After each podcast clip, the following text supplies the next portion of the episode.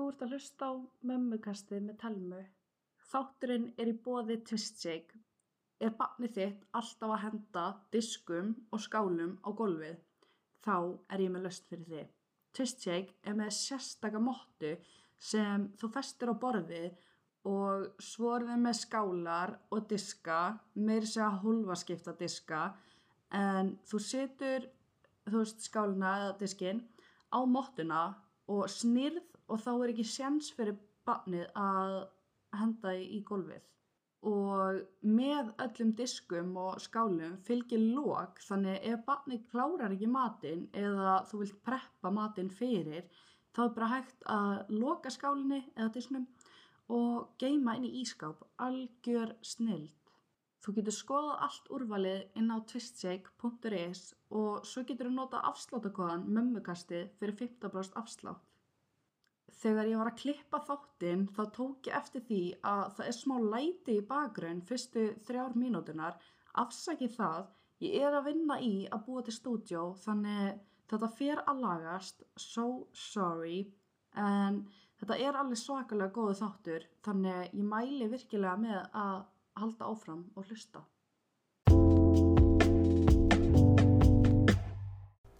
Ég kom með hennar gest til mín, viltu ekki kynna þið? Uh, Ég heit Ardís, ég er 24 ára frá Reykjavík, eða búsett í Reykjavík. Já. Ég er utan á landi. Og þú ætlar að segja okkur frá svona meðgöngu og reynslunni þinna og svo öllu og allt svona. Herði, jú, ég er óleitt ennþá, en Já. fór um glasafrjókunarferðli, Já, þannig að klímu óhrifsingan eða svolítið pakki. já. Og hvernig byrjaði þetta allt? Sko, þetta byrjaði rauninni með því að ég og maðurinn minn fórum að vita það að mammans muni ekki lifa krabba minni sitt af. Já, Og hann sest niður með mér þegar ég er 19 ára og hann er 21 árs. já, Og spyr hvort að ég sé tilbúin í það að fara að reyna eignar spatmenn að hann vilja að það fá að kynast mömmu sinni. já. Og hver voru viðbreið þín? Til ég það. Já, Þannig að það var bara búin að vera með honum fyrst ég var 16 og hann var 18 þegar við byrjum saman já, og þetta var bara hann í sálufélagið minn. já, Þannig að það var einhvern veginn ekkert sem að koma annað til greina heldur en bara að losa sig við getnaverðina og Já. fara að reyna. já. Og, og Og hva- það er henni, já. Ég fer og læt var sérst með stafinn, þarf að fara í þess litla aðgerð að láta fjarlæga hann. já, Fer í skoðun í leiðinni mhm, og það er henni kemur í ljós að frjósumistala mín er rosalega lág. já, Þannig að hún bendi mér á það að gæti orðið örðuleikar fyrir mig að verða ólétt án þess að vera með aðstóð. já, Þannig að við tökum sex mánuði fyrst að reyna sjálf og á það aftur tíma hjá henni uh, sem að kemur svo í ljósa eftir sex mánuði er ég ekki hún ólétt já, og hún vil þá senda mig í blóðpröfur og frekar rannsóknir og setjum svo hormonarlíf já, til þess að reyna í raun að örfa ekki fram með já, og ég var á þessu lifi í þrjú orði heldina vá, og ekkert gerðist dem. Þannig að þetta bara, já, Og hættir þú svo brá því? sko á þessum þremur árum þá skamtur mann hækkaði þrísunum. Já, Um, ég var búin að hitta mismjöndi lækna, mismjöndi kvennsumdanalækna, uh, sérfræðinga, búin að fara í mismjöndi blóðpröfur og rannsóknir já, og þetta var, ég var búin að hitta svo mikið af fólki og það var búin að segja mér svo mismjöndi svör og ég reyni enginn gætt sagt mér samt af hverju ég gæti heiknarsböð. nei, Þannig að var í rauninni bara að vera svona fisk út í lofti að þetta geti hjálpað og þetta geti hjálpað. Það verði ekkert bara, já, þetta er ástæðan, Við nei, græðum þetta hérna svona. nei, og fækst ekkert að vita ástæðina fyrir þessu. Ekki á þeim tíma, nei. Hmm. Þetta voru að, þú veist, við erum búin að hitta mér sem hefðandi kvöndsumdanlækna, fara, þú veist, að láta skoða ekkjastokkana, láta skoða leið og allt svo leiðis. Eitt sagði að ekkjastokkarnir mínu voru ónýtir. Næsti lækni sagði að þetta liti bara allt vel út og ég var mjög rosalega fallegt leg. What? Og hann sagði ekki neitt annað í stöðu en okkur ég ætti í gegnum spöð. Vá, skrítið. Þannig að maður bara, ég held ég hafi hitt í heldina 11 eða 12 kvöndsumdanlækna og lækna á þessum tíma. Já, til þess að reyna að komast að einhverju og enginn gæti gefið neinn svörni að bara halda fórum að reyna eða sleppa því. og alltaf bara eitthvað mismunandi svör. Já. Vá, Enginn spes. gæti gefið sama svari eða var sammálar af því sem að hinlægnin hafi sagt. Nei, Þannig að, þú veist, það er unni er árið 2018 sem við byrjum, þú veist, að reyna. 2019 þá er það bara ennþá sami pakkin, ég er ekki í sama farinu, já, búin að kaupa, þú veist, ekki svona próf, óleitu próf í hverjum einsta mánuði, Já, vá, það hefur farið mikill peningur í það. mjög Já, og þú veist, og það var alltaf bara já, mældu eglur sitt, mældu eglur sitt, þú veist og ég keipti pakka eftir pakka eftir pakka og aldrei fekk eglur nei, þannig að þetta bara já, held einhvern veginn áfram og ekkert gerðist og enginn fekk að gefa þetta við svör en þú veist maður var svona alltaf blæðingar og allt var eðlilegt hjá mér já, þannig að maður var svona pínu vonlaus já, og svo hitti ég einhvern tíma ljós nei, jú, ljósmaður svona, svona á hérna landsvítalinu og það var bara sagt um mig já, bara fá það létta þig þú veist, þú er bara alltaf feit og ef What? að létti þig þá bara eignastu börn þannig að það var fúst mataræði tekið í gegn og það var mætti í ræktina og farið alltaf að reyfa sig og er það eitthvað algengt að það virki? sko ég hef heyrt um tilfelli sem að virki en Já. svo heyri ég samt um mikið fleiri tilfelli sem bara skiptir ekki nokkrum máli Nei, ég hef ekki haldið það. þú veist, það skiptir ekki máli þótt að kona sé feita eða mjó eða venjulega eða hvað sem Já. þetta er Já, annarkvort eignast maður börn eða ekki og það kemur bara einhvern veginn já, þannig að en ég fá fræði minni þegar ég losaði mig við getnaverfni ég held þú veist að maður þurfti nú bara að ríða og þá kemur já, barnið. emmitt. Bara svona, svona með kynfræðsli grunn sko. já. en það var allavega ekki sko Hvernig tókst þér sérlega, eða þú veist, þegar það kom í ljós að, mér leiði Það er sem svona mestum mistökum í heimi já, það getur tekið svolítið á, svona, þetta bara þú veist þú veist enginn gætt gefið mann svör já, og maður var bara þú veist hvað er að mér já, og bara eins og væri byluð eða eitthvað svona. Já, og þú Einmitt. veist og, og fólk alltaf bara eitthvað þú veist, ég veit ekki lengur fólk að stundum að pæla það sem sagði við á bara eitthvað já, þú veist, kannski er þetta bara ekki þinn tími til að verða mamma eða þú veist, kannski er þetta bara ekki ætlað Í?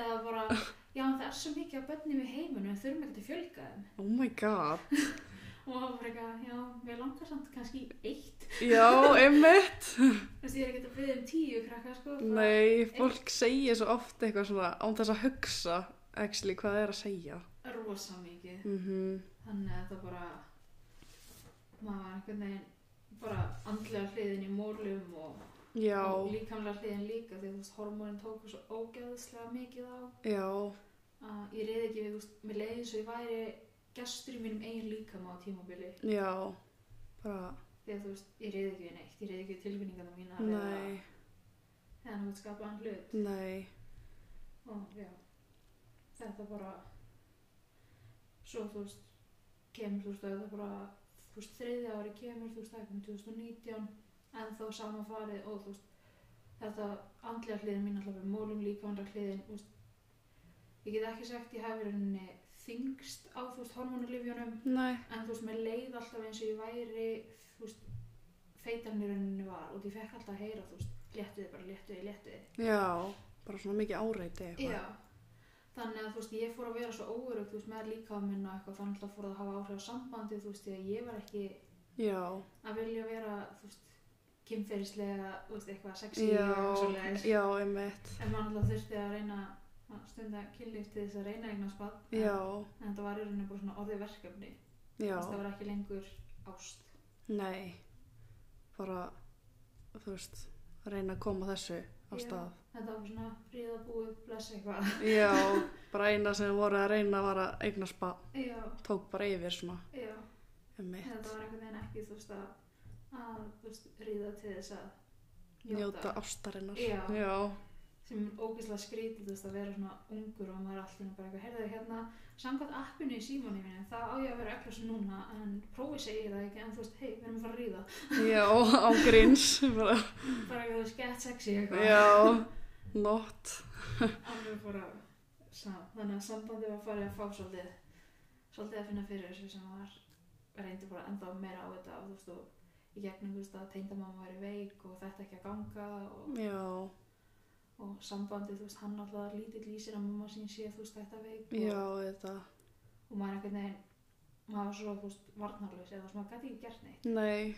þetta er einhvern veginn svo allt svona hluti sem maður ræður ekkert við já, eða getur einhvern veginn stjórna eða enginn og þú veist og fólk var alltaf að reyna að setja sig í þú veist mín spór sem mér fannst það fallegt af fólki já en ef þú hefur ekki upplegið þetta þá veist ég hvað er í gangi nei, nákvæmlega og þú veist og vinkonu mín þú veist farnar eignar spött þú veist sem var á þessum tíma og alltaf bara ekki ég skal lána þér bara mitt bann uh, og eða bara eitthvað að prófa bara með barninu mín einn dag og sjá svo hvort þú vilja eignast börni eða eitthvað og ég bara eitthvað ok, not the same Nei Það bara engan veginn og líka bara þú veist mann er langaði svo ótrúlega mikið í þetta maður var tilbúin að gera henni hvað sem er og heyra svo þú veist fólk vera að tala svona um börnin sín mhm þú veist maður var bara eitthvað hm, það hefði kannski verið að býða í tvö ár en ekki ég já, en Þú veist. svoleiðis. já, svona eins og vá, gæti ég þá ekki fengið þetta í staðinn Já, þú veist þess að þetta er attitútið þitt. já, emitt en svo er henni sko þú veist ára 2000 og hérna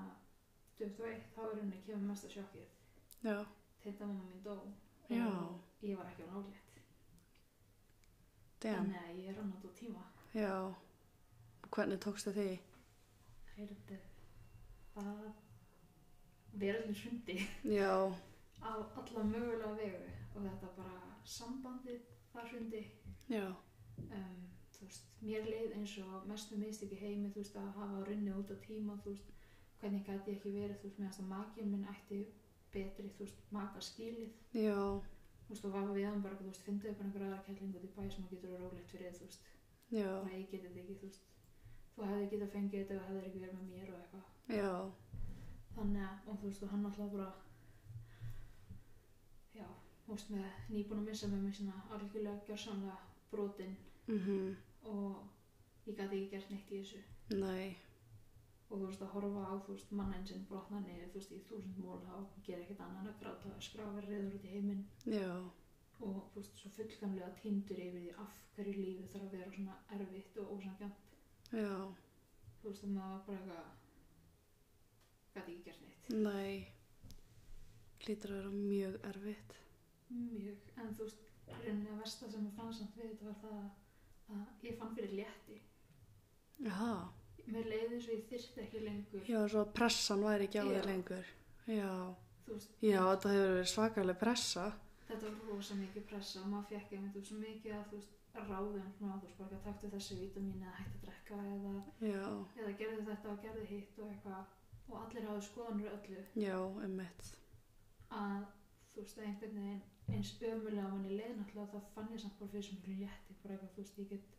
orðið ég aftur já, og þú veist og ég var þarna bara eitthvað svo andlega og líkanlega búin á því að þú veist bæði við það þú veist að vera á öllum hormonalifjunum horfa á manni minn þú veist bara hverfa mhm uh, í sorginni og Já. reynda mamma úr stáin og þurfa að díla við jarðaförun og allt svoleiðis að ég eiginlega bara tók það ákvörðin að ég var bara eitthvað, ég vill ekki hans börn já, þú veist, ef að þetta er virkilega þú veist, ferlið sem að þarf að gangi í gegnum til þess að eignast börn og verða svona þá er þetta ekki þess virði já, þú veist, andlega hliðið minn skipti meira máli mhm og já, þetta bara var búin að, þú veist, við við töluðum um það, þú veist, þegar maður byrja að deyta þú veist, 16, 18 ára, bara eitthvað, hvað vildi mörg börn og eitthvað svoleiðis já, og svo allir þarna erum þú veist 22 og 24 og maður bara gerði ég ætla ekki hans börn já, pínu sjokkust bæði fyrir hann og sambandið og, já, emmitt og þú veist allt sem maður hafði einhvern veginn byggt upp saman þú veist framtíðlega séð var farið já og hvernig náðu þið svo að vinna ykkur upp aftur sko ég hafði áður fengið að kynnast þú veist botninum að tilverunni já, þegar ég var 16 ára Já. þá flytti ég heimann og, og ég talsast ekki við fóreldra mína í dag nei, og hef ekki gert því 8 ár þannig að þú veist á þeim tíma þá lendi ég rosalega langt niðri og ég ætlaði ekki að lenda það langt niðri aftur það Nei. er umhulust að ætla já þannig að ég fór og leitaði mér hjálpari sálfræðingi og svona smátt og smátt að fóru góðu dagarnir að verða bara aftur skári já, og þú veist að fleiri en ömulegu dagarnir og sjálfsatrið og þetta fór einhvern veginn að minka já, en, en sambandið okkar á milli var eiginlega bara nánast ónýtt já Þú þau hefur tekið mikið á sambandi rosa mikið og þú veist og hann alltaf bara enda svo ótrúlega reyður út í heiminn þú veist og byrjaði að drekka og var í afneitun og bara yfir þú veist bæði döðsvöldinni á mömmu sinni því að þú veist þetta hefði ekki þurft að fara á svona endurlega þú veist krabba minni já, og svo, og svo slæmt þar að uppgötaðist já, og hann var svo reyður yfir því og svo var hann þú veist svo reyður bara í rauninni þú veist að eh, við hefðum ekki getað eignast bann já og þú veist að mér leið alltaf eins og hann verið reyður út í mig persónulega já, en hann alltaf bara reyður út í að þetta væru aðstæður já, emmitt og enginn hefði gett að hjálpa það okkur já, nákvæmlega þannig að þú veist ég er rauninni, þú veist, þegar ég var orðin skárri og þú veist, og farin að vinna í sjálfurinn mér eitthvað svoleiðis, þá var hann komin á botnin Mm. og var orðin bara skapvondur og pyrraður og reyður og drakk sig, þú veist, bara líkuðinn hans bara í hel, þú veist, hann drakk voru allar fór, þú veist, man ekki meitt og, og þetta var orðið bara alla virkadaga, allar helgar Vá. og var þannig í nokkra mánuði Já. þar til að ég rauninni, þú veist, horfið á hann einn daginn og þú veist, og maðurinn sem ég var í rauninni ástfangin af, hann var bara horfinn. Já.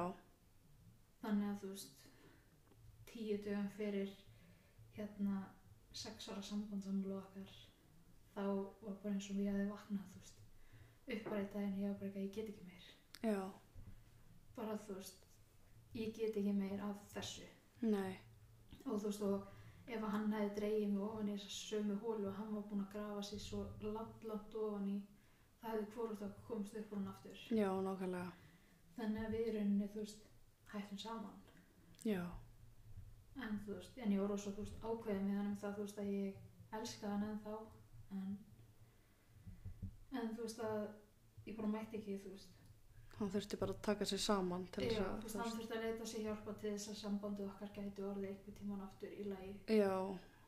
en þú veist, ég elska hann svo innilega á þessum tíma og svo Já. ógeðslega erfitt, þú veist, að horfa upp og að fara svona, Já. Emitt. þannig að, en þú veist, sem betur fer þá var þetta í rauninni bara eins og blöytuska í andliti hjá honum og Já, bara svona wake up call. Já, og hann fór þú veist að leita þessi sálfræði meðferðar og fór að þú veist að tala um tilfinningar og döðsfallið og reyðina og pyrringina og öllu sem hefur þú veist gengið í gegnum Já. og svona smátt og smátt þú veist þá fór maður að sjá aftur þú veist sama mannin og maður var þú veist með og það er henni þú veist ég var ekkert viss úst út í því rétt þannig að sambandsamlun óvember Já. og svo um jólinn, þú veist, þá var ég ekkert, þú veist, ég var ekki raun að segja neinum að við mætt saman þannig að ég var Nei. ekkert viss, þú veist, fyrir mér vorum við hvort þið er alltaf að fara að enda aftur saman þannig að mér Já. fannst óþarfi að, þú veist, að vera Þú endilega hafðir alveg trú á honum. Já, þegar þú veist, ég var alltaf búin að ímynda mér að þetta er maður sem ég var að fara að deyja með Já. og ég var ekkert tilbúin í að henda bara sex árum í Nei. burtu því að hann var tilbúin að standa með mér í gegnum allt mitt erfiða Já, emitt. þannig ég ætlaði ekki að gefast upp á hann þrátt fyrir ég gæti ekki endilega verið gjörsamlega kletturinn hans í þessu öllu Já. en þannig að þú veist þegar jólinn kom og þá er ég ekki svona viss hvert ég ætla að reyna að taka hann með mér sko uh, norður þar sem að þú veist fjölskylda mín býr Já. en ég gerði það sem ég er rosa fegin en þess að það er rauninni þú veist fengu ég líka bara þú veist ég er sérst frá blöndósi sem er náttúrulega bara pínulítið þú veist skítasker eitthvað Já. starfandi og maður var svo mikið þú veist bara svona eitt þú veist það var svo lítið áreiti Já. það átt Sko, fyrir að fjölskylda mig að væri en það gáttu þess að verið bara einhvern veginn í okkar eigin búblu þarna út í skítaraskati að gera ekki neitt Já. og fengi ég svona í rauninni að kynnast aftur eitthvað neitt þú veist. Já. Svona Finna kveikja tengingu- aftur í Já. sambandinu. þú veist, að finna tenginguna og bara geta rætt hlutina Já. þú veist sem að hefði gengið það áður en þess að þú veist í rauninni áður þá gátt hvort þá það rætt þetta en svo erum bæði bara svo reið Já. þú veist, hann var náttúrulega já, þú veist, mér leiði náttúrulega bara eins og mistök og hann náttúrulega bara gæti ekki skilið þetta í rauninni Þú Nei. veist hvernig mí- mín upplöfun á þessu var vegna Nei, þess ég að, veit ekki. og svo þú veist að talar enginn um þetta Nei. það talar enginn í dag um ófrjósemi eða, þú veist, sem betur við meira Já. en þetta er svo ótrúlega tabú finnst mér þú veist, það er enginn bara eitthvað að segja bara gerði já ég get ekki einhvers spöld Nei, ég bara hef hert ógeðslega lítið um ófrjósemi. en þú veist einhvern veginn um leiðum að fara að tala um þetta þú veist tilfinningarna í sína upplöfunin og allt svo leiðis þá hérna þá kemur að ljósa mikið meira af fólki sem að glýma við þetta en einhvern veginn allir að burðast með sorgina einn Já. og ég einhvern veginn, þú veist, áætlaði bara þegar við værum hann að pari í þessu saman í þessu ófrumsumi stæmi Já. að hann myndi skilja mig en þú veist, þannig ég var ekkert að tjá mig Já. En hvernig gæti hann skilja mig ef ég hreifti hann mikið að eins og að mér Já, nákvæmlega. þannig að þú veist, meðan það rosa gott þú veist, að við einhvern veginn náðum bara að fara bara svona í núlstillingu og, og já, Já. tengjast aftur en þetta er líka bara um leið og við náðum að tengjast aftur og þá var þú veist, þetta var bara flugvildar og fyrildi og Já, bara aftur svona honeymoon stage. já, maður var aftur bara orðin 16 ára og, Já. og ég var frábært Já. en þú veist við líka fórum bara inn í það samband þú veist aftur saman bara með það að þú veist ok, við viljum ekki endilega reyna en við viljum ekki vera að passa okkur Já, nákvæmlega. þú veist bara örlítið að fá að vera við já, aftur og njóta þannig að þú veist lífið var bara orðið allir í geggja bara þú veist það hefði verið hræðilegt það var 2020, 2021 þá bara krassaði heimurinn okkar já, svo kemur 2022 og við erum bara á einhverju bleiku skýja Vá. bara, geggja hann, en þú veist og það var 2022, sagði það Já. já, þú veist það er henni já, komið 2022 og við bara svegum að nefnum á bleiku skýja síðan um jólin og, já, og vorum að gera bara allt sem að okkur langaði að gera Þú já, veist, við fórum að ferðast og, og þú veist, hann fór að stopna þú veist, fór í hvað, hvað hann vildi gera þú veist, meiri í framtíðinu við hann verið að þú veist, hætta að vera þú veist laun þegar fór að í hvað, þú veist, hvort hann vildi stopna EHF og, já eða hvort hann vildi flytja til útlanda eða Já. eitthvað svoleiðis bara að lifa lífinu Já, og en svo, þú veist, svo var þér henni bara eins og einn daginn hefði vaknað bara upp á þessu bleika skí og ég var bara gaggir, hvað er ég að gera? Þetta er maður sem ég elska út af lífinu, okkur vill ég ekki fjölga mig með honum já, Þannig að þú veist, ég leta hann ekki einu sinni vita, ég hefði bókað tíma í rauninni hjá lækni aftur já, og ég var bara, já til í þetta. Bara, já Þú veist, núna ætlaði ég að taka þetta bara alveg, var búin að vera, þú veist, í svona grúpu, þú veist, út í ég er, rauninni- er með PSUS já, sem er, þú veist, blöður rækjastokkunum já, og, og þar í rauninni var ég búin að spyrja endalist að þú veist, spurningum, þú veist, þær konur sem átti erulegum eignar spöld, þú veist, hvað var það sem að hjálpaði ykkur, hvað rannsóknir já, fóru í til að koma að stað ástæðan ykkar? já Þannig að ég mæti enn eitt skiptið og hitti lækni mhm, um, sem að er heldur bara einn af fremstu kvennsumdalæknum landsins í dag já, og fer í þýlum alla mína sögu. já, Allt sem ég hef prófað, alla rannsóknir, alla blóðpröfur, alla læknana og hann bara ekki heyrðu, það skiptir mig ekki neinu máli hvað er búið að gera, við ætlum bara að taka þetta bara hreint blað, skoða allt upp og nýtt. já, Bara við ætlum að komast þú veist, til bossi í þessu. já og hann sendi mig í fleiri rannsóknir og fleiri myndatökur og ég held ég að fara í vestur rannsókn sem ég æfuminu fara í nú, en það var tekið skuggamynda ekkjastokkanum hjá mér já og þetta er svo sásökafull það, þú er henni mætir, þú veist það var engin sem leið með vitin svona af þessu, en maður mætir Ó. upp á landsbytala þar ferði í rauninni svona svo röngantæki já, nema það er blásin upp bladraði píkuna þér ú, til þess að komast alveg að og upp leið og öðru allt saman ú og þarna og var ekkert sagt að við Það þig var ekki fyrir neitt sagt, engin deyfing, ekki neitt. Þetta var eins og verstu, þú veist, mér langaði í grenjaði, mér langaði að æla, mér var flögur. Þetta var bara eins og verstu túrverki sem ég hafði upplifað æfinn. já, Um, ég var með gamla konu og ég var með lækna nema. Lækna nefinn indislegur. já, Hún bara kallið þvottaböggi og strókjaði mér hárið og, já, og hún bara, þetta er alltaf læg, þú veist, og hefði kannski átt að taka kalliðin með. Og já ég var bara, það var enginn sem sagði mér þetta. já, ói mitt Á meðan var gamla konu, hún var bara, eitthvað, "Æ, það er svo marga konur búin að fara í þetta, hættu nú þessu væli. ói, og ég var bara eitthvað, já, ég, ég reyni oh my god Og þá- svona fólk á ekki að vinna svona vinnu nei, þarna var ég líka bara eitthvað Ah. sítt ok, þarna eru fordómaðin aftur komin þú veist, aldurinn og, og bara leiðindi já, einmitt og en svo fæ ég tíma hjá hann eftir allar þessar rannsóknir aftur og hann er bara ekki, herðu, hérna, ég veit uh, af hverju þú getur ekki eigin spað og ég bara eitthvað, ok, og hann bara eitthvað, sko þú veist, það lítur alltaf vel út hjá þér Já. en það er eitthvað í ekkjastokkunum hjá þér ekki að virka rétt já, og ég bara eitthvað, ok, hvað gerum við? Hann er bara eitthvað, allt sem er búið að reyna að gera það virkar ekki. Það er tilgangsleisa meðferð sem hafa verið í síðslegin þrjú ár því það er ekki nóg aggressívar fyrir þið. mm. Og ég var bara eitthvað, ok, og hvað þá? Hann bara eitthvað, heyrðu það er ein stofnun á landinu sem getur hjálpað þér og það er Livjú. já, Eða það fær til útlanda, en það er henni eina úrræða, þú veist, og ég skil bara ekki okkur að læknar hafa ekki samt í fyrir þanga. já, Þannig að ég bókaði tíma við Livjú og förum bara bygglista. Og, þú veist, og þá það er var ég hann langur Við byggðum í 7-8 mánuði. já, ok Þannig að þú veist, langur og ekki langur. já, Maður hafði alveg heyrt að lengri tíma, maður hafði alveg líka heyrt að stýttri tíma. já, og Og ég er henni fæs bara allir símtæri í dag, ég er búin að stengja með að vera á svona bygglista á nokkuð sköðum með hlut og það var ekki herði hérna, við erum frá Livjó og bjóðum okkur komið fyrsta viðtal. Og ég Já. bara ekki herði, jú, jú, ég til ég. Um, hún bara ok, þú veist, mæti bara klukkan þetta, þarna þessa dagsendingu og við bara sjáumst þá. Svo bara, ú, ég bara ekki herði, já, ég var ekki búin að segja hann frá þessu. Þannig ég- varst ekki búin að segja ennþá Nei. makanum, oh my god Þannig ég eitthvað ringi í hann, þú veist, hann í vinnan, ég bara, heyrðu hérna, langar þér ennþá að eignast bad? Oh og my hann var god. eitthvað, já, voru við samt ekki hérna eitthvað að tala um að gifta okkar næsta ári? Ég var bara eitthvað, heyrðu, jú, hvort langar að gifta? Vá, þú þig?" bara eitthvað út um allt hérna. Og ég var bara eitthvað, já, hérna, hvort þau gift okkur eigna spad? Og hann bara eitthvað, þarfti alveg að spyrja þessi, ég bara eitthvað, nei. og hann bara eitthvað, hvernig er ég að mæta? Ég bara eitthvað að segja dagsendingunum tíman. Og hann bara Já, eitthvað, ok, geggjað, bara við, við verðum hana.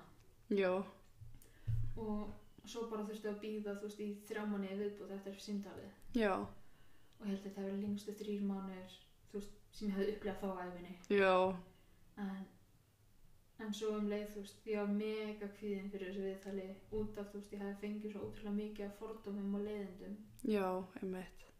þú veist, frá heilbreyðstarfsfólk, þú veist, að ég ætti væri of ung og ég ætti að léttast og, og ég veit ekki, já, bara allir sér komment þannig að þú veist, þegar ég mæti svona í fyrsta viðtali, þá er læknirinn bara eitthvað, já, hvað get ég gert fyrir þig eða ykkur, og ég Já. er bara eitthvað, heyrðu, okkur langar að eignast barn og hann bara eitthvað, geggja svar Já, og ég bara eitthvað, ok, og hann bara eitthvað, já, mér skeggja og segir að viljið eignast barn en ekki verða ólétt, þannig að þetta þýðir að viljið taka barnið mér heim og ég bara eitthvað, já, viljið það ekki allir og hann bara eitthvað, heyrðu, jú, en en þetta er bara svona hugsunaháttunni kemur þess að þú veist, hugurinn berði hálfa leið já, og ég eitthvað, ok og svo eitthvað skoðar hann og maður, þú veist, ég var ekki nefnilega búin að fyrir leikháls og krammenn skoðan á þessum tíma nei, þannig að, að þú veist, hann gerir það og vegna þess að ég fengi þú veist að frétta að það hefði verið einhvern tíma frumubreitingur á mömmu minni já, um, þannig að hann vildi þú veist fóna allir gegnum alla sjúkrasöguna og vildi þú veist í rauninni vita það hvort að ég væri með þessar frumubreitingar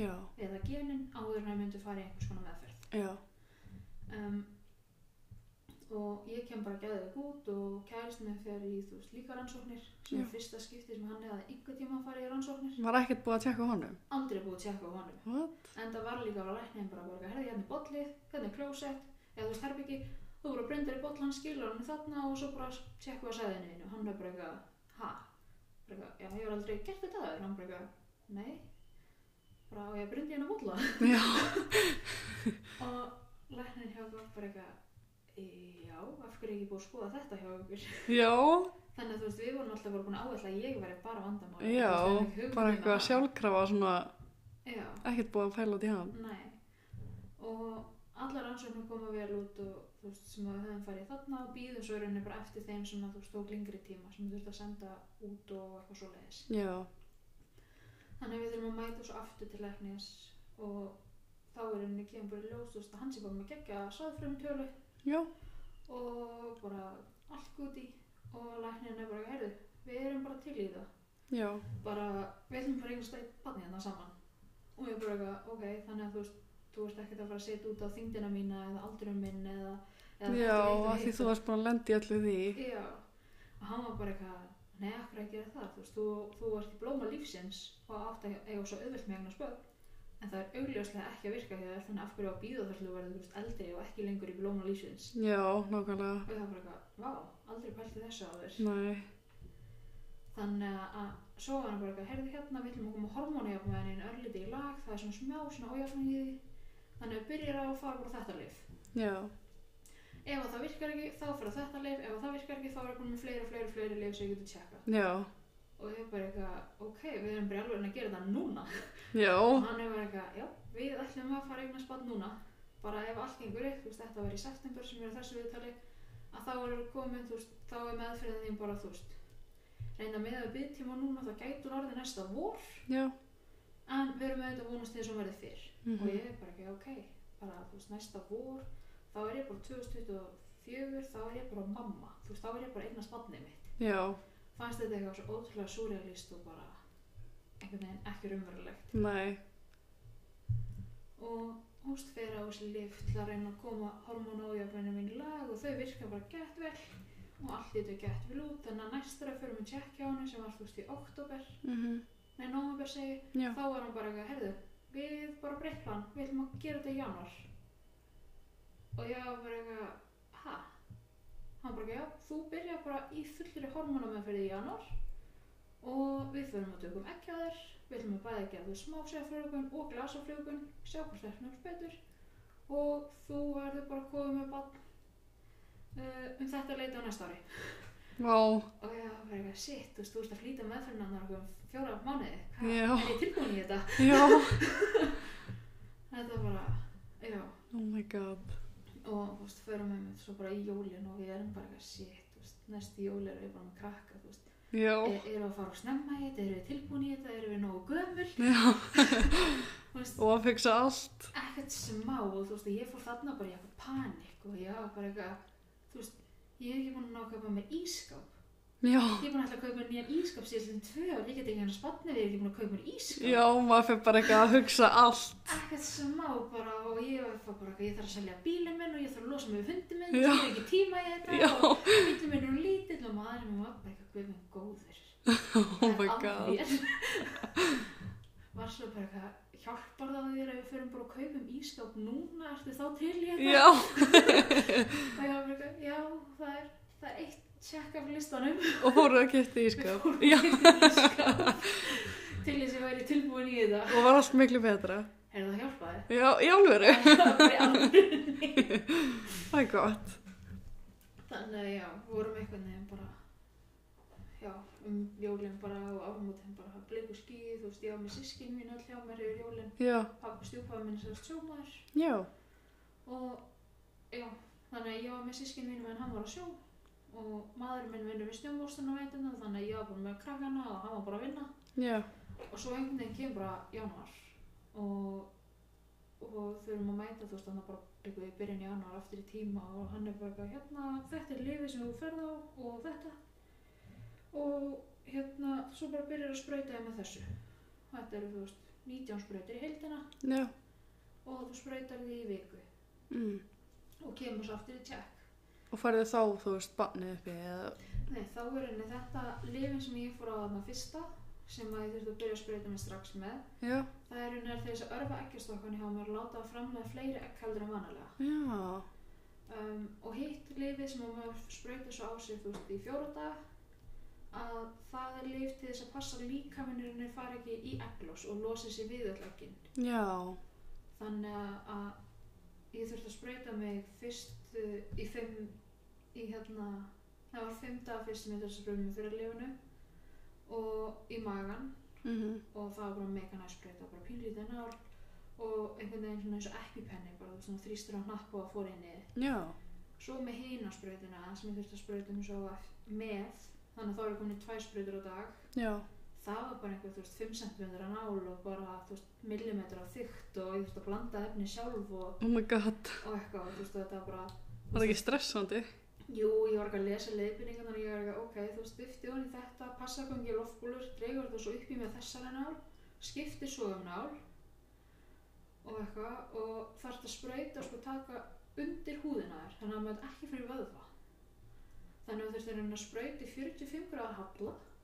Hókjaf mikið pressa eitthvað. Já, þú veist, og maður verið enga þjálfin í þessu. Nei. Um, svo, þú veist, í rauninni tósa út nálina og ef það kemur blóð, þá er það að henda öllum vögg úr efninu og byrja upp á nýtt.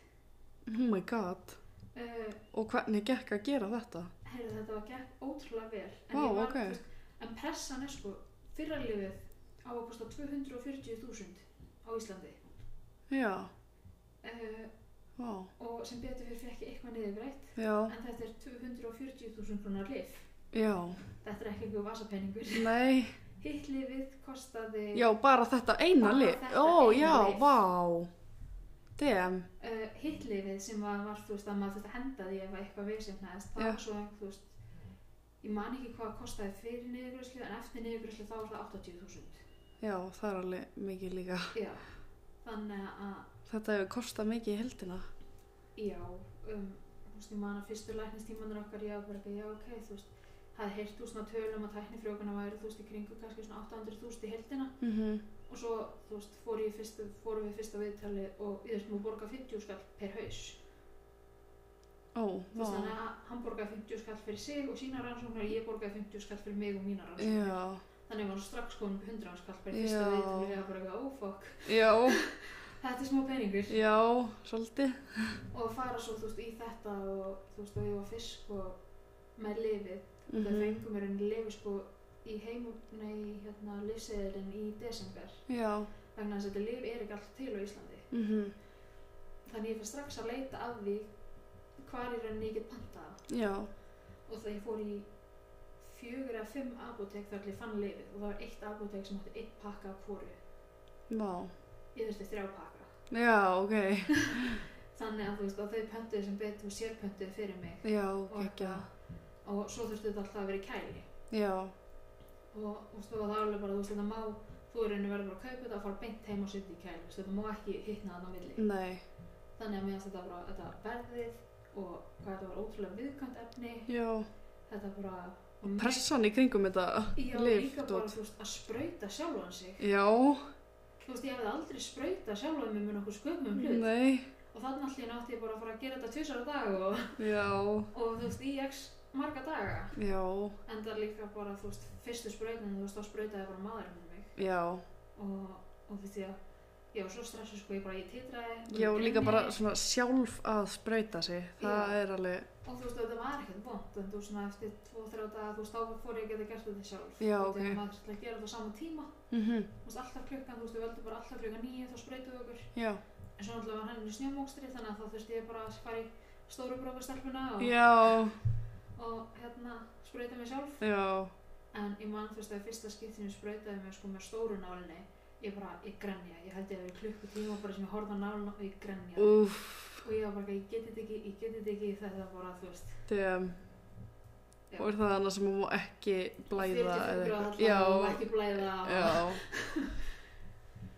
það var, það, og þú veist, hann gæti ekki eins og spreyta mig með henni nei, það var bara, eitthvað, ég veit ekki hvað 45 gráðar eru nei, og eitthvað, og svo sem betur við náðast þetta og ég, þú veist, mætti reglulega í check á þessum tíma til þess að láta skoða hvort þetta væri ekki alveg örgulega að virka fyrir mig já, ef þetta hefði ekki virkað, þú veist, þetta þá er hann hefði þurft að fara lengri skamt og meira, þú veist, þá er hann bara sta- skamtur og lengdur. Og check-in kom alltaf vel út og þú veist, og það voru alveg að myndast ekki að bú hjá mig með ekkjum í, já, en þeim fannst þau samt alltaf vera eitthvað of lítil. Þannig að það voru alltaf, já, býðum, býðum örlítið lengur, býðum örlítið lengur. já, Um, svo hérna býð pappi okkur á þorra, eða stjúpaði minn okkur á þorrablót já, á Blöndósi og það er hérna 28. janúar mm, og ég mæti í skoðun 27. januar og Já. konan er bara ekki að herðu þetta er bara núna á hérna, 30. januar þá ætlum við bara að fara í ekkenduna með þér á mánudaginn og þú mátt ekki fara úr bænum yfir helgina já, og ég er þarna á bullandi hormónum hún lakka rosa mikið til að fara á þorrablót og hitta fjölskyldunum mína já, og ég var bara eitthvað, hvað meinar ég með ekki fara á bænum og hún bara eitthvað, ef þú ferð á bænum og kemur snjóstormur þá þarfstu hvort eða að borga Ah. fyrir meðferðina en þú getur ekki, þú veist, þú ferð ekki ekki þinn þannig að þú veist, þú mátt ekki fara á bænum yfir helgina og ég held ég haf aldrei grænja ég mikið á æfum minni og ókunnir konu oh my því þetta god, var bara hór og alles já, og hún var bara eitthvað, sagði ég eitthvað vittlust ég var bara eitthvað, ég er að leiðin á þorflót bara, ég þarf að komast norðin núna já, og hún var bara eitthvað, nei, nei, þú ert ekkert á leiðinni norður og ég var bara eitthvað ég verða að komast norður, ég er á leiðinni á Þorrablót og pappi er að fara aftur á sjó núna í februar og þetta er senst tækifæri mitt að hitta hann áður en hann fer og, og ég þarf bara að fá fjölskyldunum mín í smá stund og hún er bara eitthvað, nei, nei þú fer bara en ég verður í bænum maður þinn ætlar að degra við þig og ég sé það mann en þú verð ekki neitt oh my god, og ég er bara eitthvað að labba þann út bara en það bara eitthvað shit, þú veist, ég, ég þarf að komast norður þú veist, ég er bara, ég er búin að vera í bænum og ég er búin að vera bara eitthvað einhjörna í þessu vesinni og þú veist, með manninu mínum já, ég þarf aðeins að fá knús frá ömmu og afa á fjölskyldinu já, hringi eitthvað að manna minn nýsast út í bíl og fyrir þetta hágrænja aftur mhm, og hann er bara eitthvað, nennur að klára bara að gráta og hringi og hringi aftur Og ég er eitthvað, ég er ekki það grænjandi í þarna hérna, bara hlustaði betur alveg bara ógeðslega reyð út í hann og hann er bara eitthvað, ok, ég, bara, ég skildi ekki ástin mín, þú veist þegar hún já, grætur svona og ég er ok, reyni eitthvað að taka mig saman í andlutinu og segja svo bara eitthvað við megum ekki frá norður og hann er bara eitthvað af hverju ekki ég útskýri fyrir honum, hann er bara eitthvað heyrðu, uh, ef að það þýðar að ég þurfi að keira strax eftir þorrablóðið aftur í bæinn og vera þú veist 17 tíma á leiðin í bæinn til þess að ná akkjöndinu þá er það bara þannig, en við erum á leiðinu norður, þú veist, það er það sem þú þarft já, þú veist, það er búið að segja við okkur alla meðferðin, þú veist, að vera að hugsa vel um andlu heilsuna mhm, og finna, þú veist, hugsa vel um, þú veist, hvað maður þarf, mhm, vera í góðu jafnvægi, þetta er jafnvægi sem þú þarf, þá erum við að fara að gera þetta. já, Og ég var bara eitthvað, en þú veist, hvað, hvað ef við festumst bara á leiðinni eða eitthvað, hann bara eitthvað, þá bara festumst við og við reddum því. já, En þú veist, við þurfum að vera mætt bara hérna klukkan á mánundagsmotni þannig að við höfum að það einn og halva sólarring til að redda okkur í bæinn og þá erum við bara frá nýta en einn og halva sólarring að við þurfum þess Já. og ég bara ok, ok, ég er til í þetta og þannig að við fyrir norður þess helgi og komumst á Þorflóti og eigum bara yndislegan tíma að eitthvað Já. og vorum heppin að það var ekki snjóstormur en okkur skapaðar hlutir Oh my god. Þannig að við komumst bara í bæinn á sunnudeginum bara eins og ekkert sé og bara gegja. Vá. Mætti svo á mánudeginum. Og það fyrsta sem konan spyr mig að þegar ég mæti er sem sagt, hún var í móttökunni þá. Og ég bara eitthvað, hvernig var helgin? Fórstu norður? Og ég bara eitthvað, já. Oh my god. Og hvað sagði þú? Og sveifurinn hann er bara svona, óh, í alvörunni. og hún var bara eitthvað, því allan að komist aftur í bæinn, þannig að þú veist, líta, við erum bara að taka á þessu. Já. Það var ekkert sniðut hjá ykkur. Oh my god. og svo eitthvað fer maður bara þarna inn í sér stofu og maður, þú veist, ég klæði mig í hvítan slopp þú veist, þurfti að fara úr öllu nema ég mátti yfir brjóstaaldur og nærböksum Mm -hmm. og fæ svo í rauninni kæruleysislif, beint í æð og um leið, þú veist sko, ég á rosa slæma lifjasögu Já. Þú veist, ég, ég vaknað eftir aðgerð eh, ekki komin upp á vökudeild einu sinni Já. uh, og þú veist, bara öll líf fara rosalega fljótt úr mér þannig að maður Já. vera rosa leiðileg við þær og bara eitthvað, þú veist, ég þarf annarkvæmt engin líf eða rosa mikið að lifjum Já. og hérna þannig að þau gáðu með rauninni kæruleysilif sem er eitthvað sem ég mátti víst ekki sleppa mm ég Mhm. varð að fá það og það virkaði rosa vel maður sá það rosa vel Já. þetta var bara ég satan í einhverju kvíðakasti uh, fæ kæruleysilifið og svo er ég bara á einhverju bleiku skíða og hann er bara eitthvað vákvart farinn Já. og fáum að fara inn í herbyggið og þar fer ég bara upp á svona kvennsugdumbekk Já. lappinnar í sundur og hann situr bara við hliðina mér á kolli og svo bara ekki að heyrða um að klæða nærbyggsunum og svo bara er komið með risastóra nál til að deyfa píkun á mér Já. og, og ég var bara eitthvað ok, þú veist, þarf ég þessa deyfingu Já. þú veist, þetta var ekkert líka lítið nál Sástu nálina? ég sá nál Oh. og hann var bara eitthvað, já, já, þú finnur ekkert fyrir þessu og ég passa að deyfa þér rosa vel Þú bara ekki, nei, nei, nei, nei. og ég eitthvað, ok, ég ætla að treysta þið með þetta Já. og hérna fann svo þú veist ekkert fyrir þessu og ég bjóst við að vera rosa vond að láta deyfa þessi píkur Já. en þetta er ekki vond Ó. uh, en svo baði ég um sérst að fá í raun ekki verkjarlifið fyrir sérst ekkendinu sjálfur heldur en að það verið skamta bara eftir þörfum en ekki að fá fullan skamt strax þannig að hún gefur mér örlítið af því lifi Já. og svo sér maður bara náttúrulega það er fullt af sjóvorpum í öllu herbygginu Mm. Það er einn maður hana sem að er að taka ekkin og annar maður sem er að skoða ekkin. Og við sýtum hann bara eitthvað að horfa á þú veist öll sjóvarpin og þar sem maður sér bara svona þú veist leiðið eitt upp á ská Já. og svo sér maður bara eitthvað svona nál koma, farin í einhverju búblu og sjú allt út. What? Og þannig sér maður þú veist þetta bara, já bara endarlist. Já.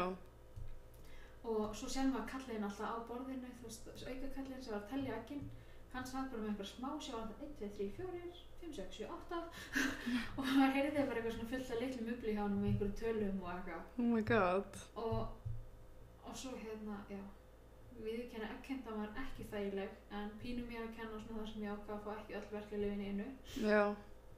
en svo þú veist, svo er það bara búið og við fórum aftur bara í svona loka herbyggja þar sem maður mátti klæða mig Mhm. og þú veist, og það var henni þú veist, þurfti að býða eftir að sjá hvort að þú veist, blæðingin myndi verða meiri heldur en hún var því að blæður við þetta Já. og ef ekki þá mútu voru svo að fara heim og þau myndi ringi í okkur setni partin En hvernig áttu þið svo að setja þetta? það er nefnilega kemur henni fáum að vita það þegar samtalið kemur setna yfir daginn Já, ok. þá er henni kemur í ljós þú veist, þá er henni ringja í ykkur svo setna yfir daginn láta okkur vita að það er náðst 28 egg í ekkendinni Er það ekki alveg mikið? það er rosa mikið Já. um, en bara allega af þessum eggjum er í rauninni nógu þrosku til þess að sé að þetta reyna að frjóka þau Já. þannig að við vorum eitthvað, þú veist, ok þú veist, þetta er smá að falla ok, til í þetta Já. um, og hann er bara, eitthvað, já, ef að vel gengur þú veist uh, þá gætur þú mögulega komið bara í uppsetningu núna laugardaginn þú veist, þetta er mándegi Já. nema það, þú veist, og svo hvaðumst við og allir komum þar nema svo ringi hann aftur í mig setna í daginn og er bara eitthvað, heyrðu hérna þau uh, við þurfum að býða örlítið með uppsetninguna hjá þér og ég eitthvað ok, þú veist, er ekki alltaf leið með eggin Mhm.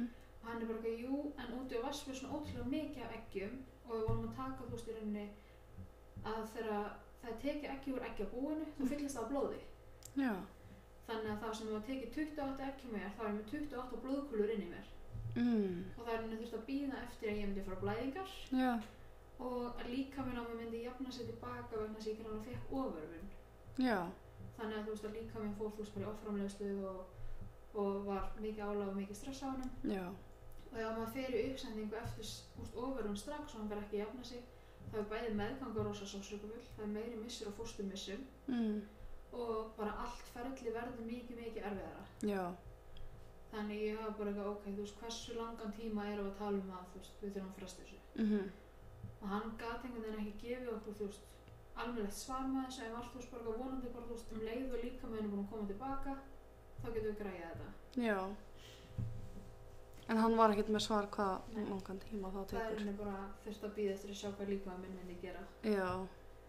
um, og við endum að þurfa búið að býða í sex vikur Damn.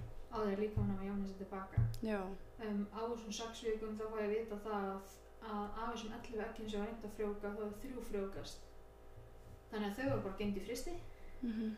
og við allan áttum þú veist þrjá möguleika á því að fara í Já. uppsetningu og þú veist ef að reyna eigna spað og hérna svo þú veist fer ég loksins og blæðingar og allt eitthvað reynsast út og líka mér fór svona að jafna sér tilbaka með tímanum nema að út að ég náttúrulega framleiði ekki egg sjálfkrafa að þá vildi ég samt gá hvort að líkaminn á mig myndi fara í eins og hann væri með eggloss Mhm. því að það er henni, þú veist, þægilegasti tíminn að gera uppsendingu þegar það er eglós til þess að þetta sé sem náttúrulegast Mhm. og best ef það sé minnst inngrip við því Já.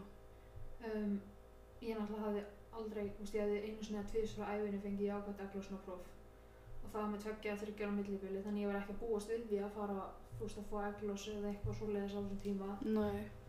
og þeir eru raunin ekki heldur en þú veist, það var samt ákveð, þú veist, og ég fór sko tveggja daga fresti í skoðun til þeirra í heila viku Mm. um, þar til að henni kemur bara í ljós að líka hann á mér er ekkert að fara að gera þetta Nei. þannig ég þarf að fara í aðra sprautum með þvert og þarf þú veist að fara að sprauta mig aftur í fjóra eða fymta á þú veist öðru lífi Mm. og hérna til þess að henni að þú veist að plata líkamann í það að hann sé að vakla á sig Já. og þannig að þú veist ég græði það og svo allt hérna bara þú veist fer ég í skoðun eftir það lif og það er bara ekki heyrið þú veist að koma bara þarna að- eftir tvo dag og þú ert bara komið í uppsetningu Næs. Nice.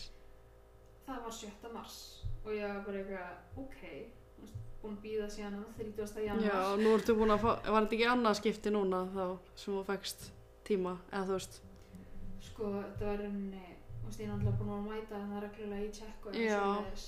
en þannig var þetta í rauninni annars þú veist, í rauninni eftir ekkendin rauninni sko, fyrsti tími sem kemur og það er sagt, þú veist, bara núna erum við að gera þetta já, þú veist, ekki að ég sé bara í skoðunum hjá einhverjum hjúkurnafræðingum eða eitthvað svolega heldur fóru þannig að voru hitti lækni og bara eitthvað, við erum að fara að gera þetta já, um, og allt í góð með það nema það að svo kemur í ljós að morgunin að maður minn kemst ekki með mér og þannig ég þarf að fara ein í þetta já, og allt í góð með það, þú veist, þetta er minna mál heldur en hérna ekkeintan já, þannig að ég verður bara, já, já, þú veist, ég get þetta alveg já, og þú veist, þá fer ég í þetta og þú veist, það er engin deyfing ekki neitt og ég maður, þú veist, maður fer bara inn í sama herbyggið og hérna og ég eitthvað fer hann inn í sama herbyggið, hvíti sloppurinn tek mig á nærbjöksunum og eitthvað geifar að baka mig sér svo bara skjáinn og svo sér þetta bara svona, þú veist, það risa svo strá og þetta er okkur svona þú veist, 30 cm eitthvað svona strá og þetta minnir svona plastrur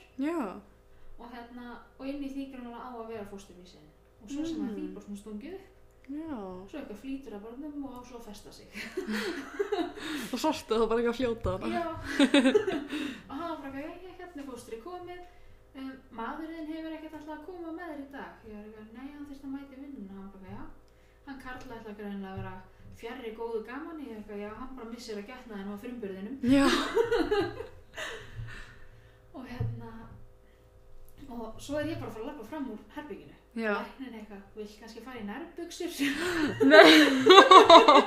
Oh my god og þá bara, þú veist, þá er ég bara þarna að fara í hvíta slopnum mínum með, þú veist, rassin úti og Og ætlaði bara að fara fram. að fara bara fram á gangu og lappa inn í herbyggi, sko Oh my god. aðeins og vönn þegar maður er búin að vera þannig í öllum tjekkunum Já.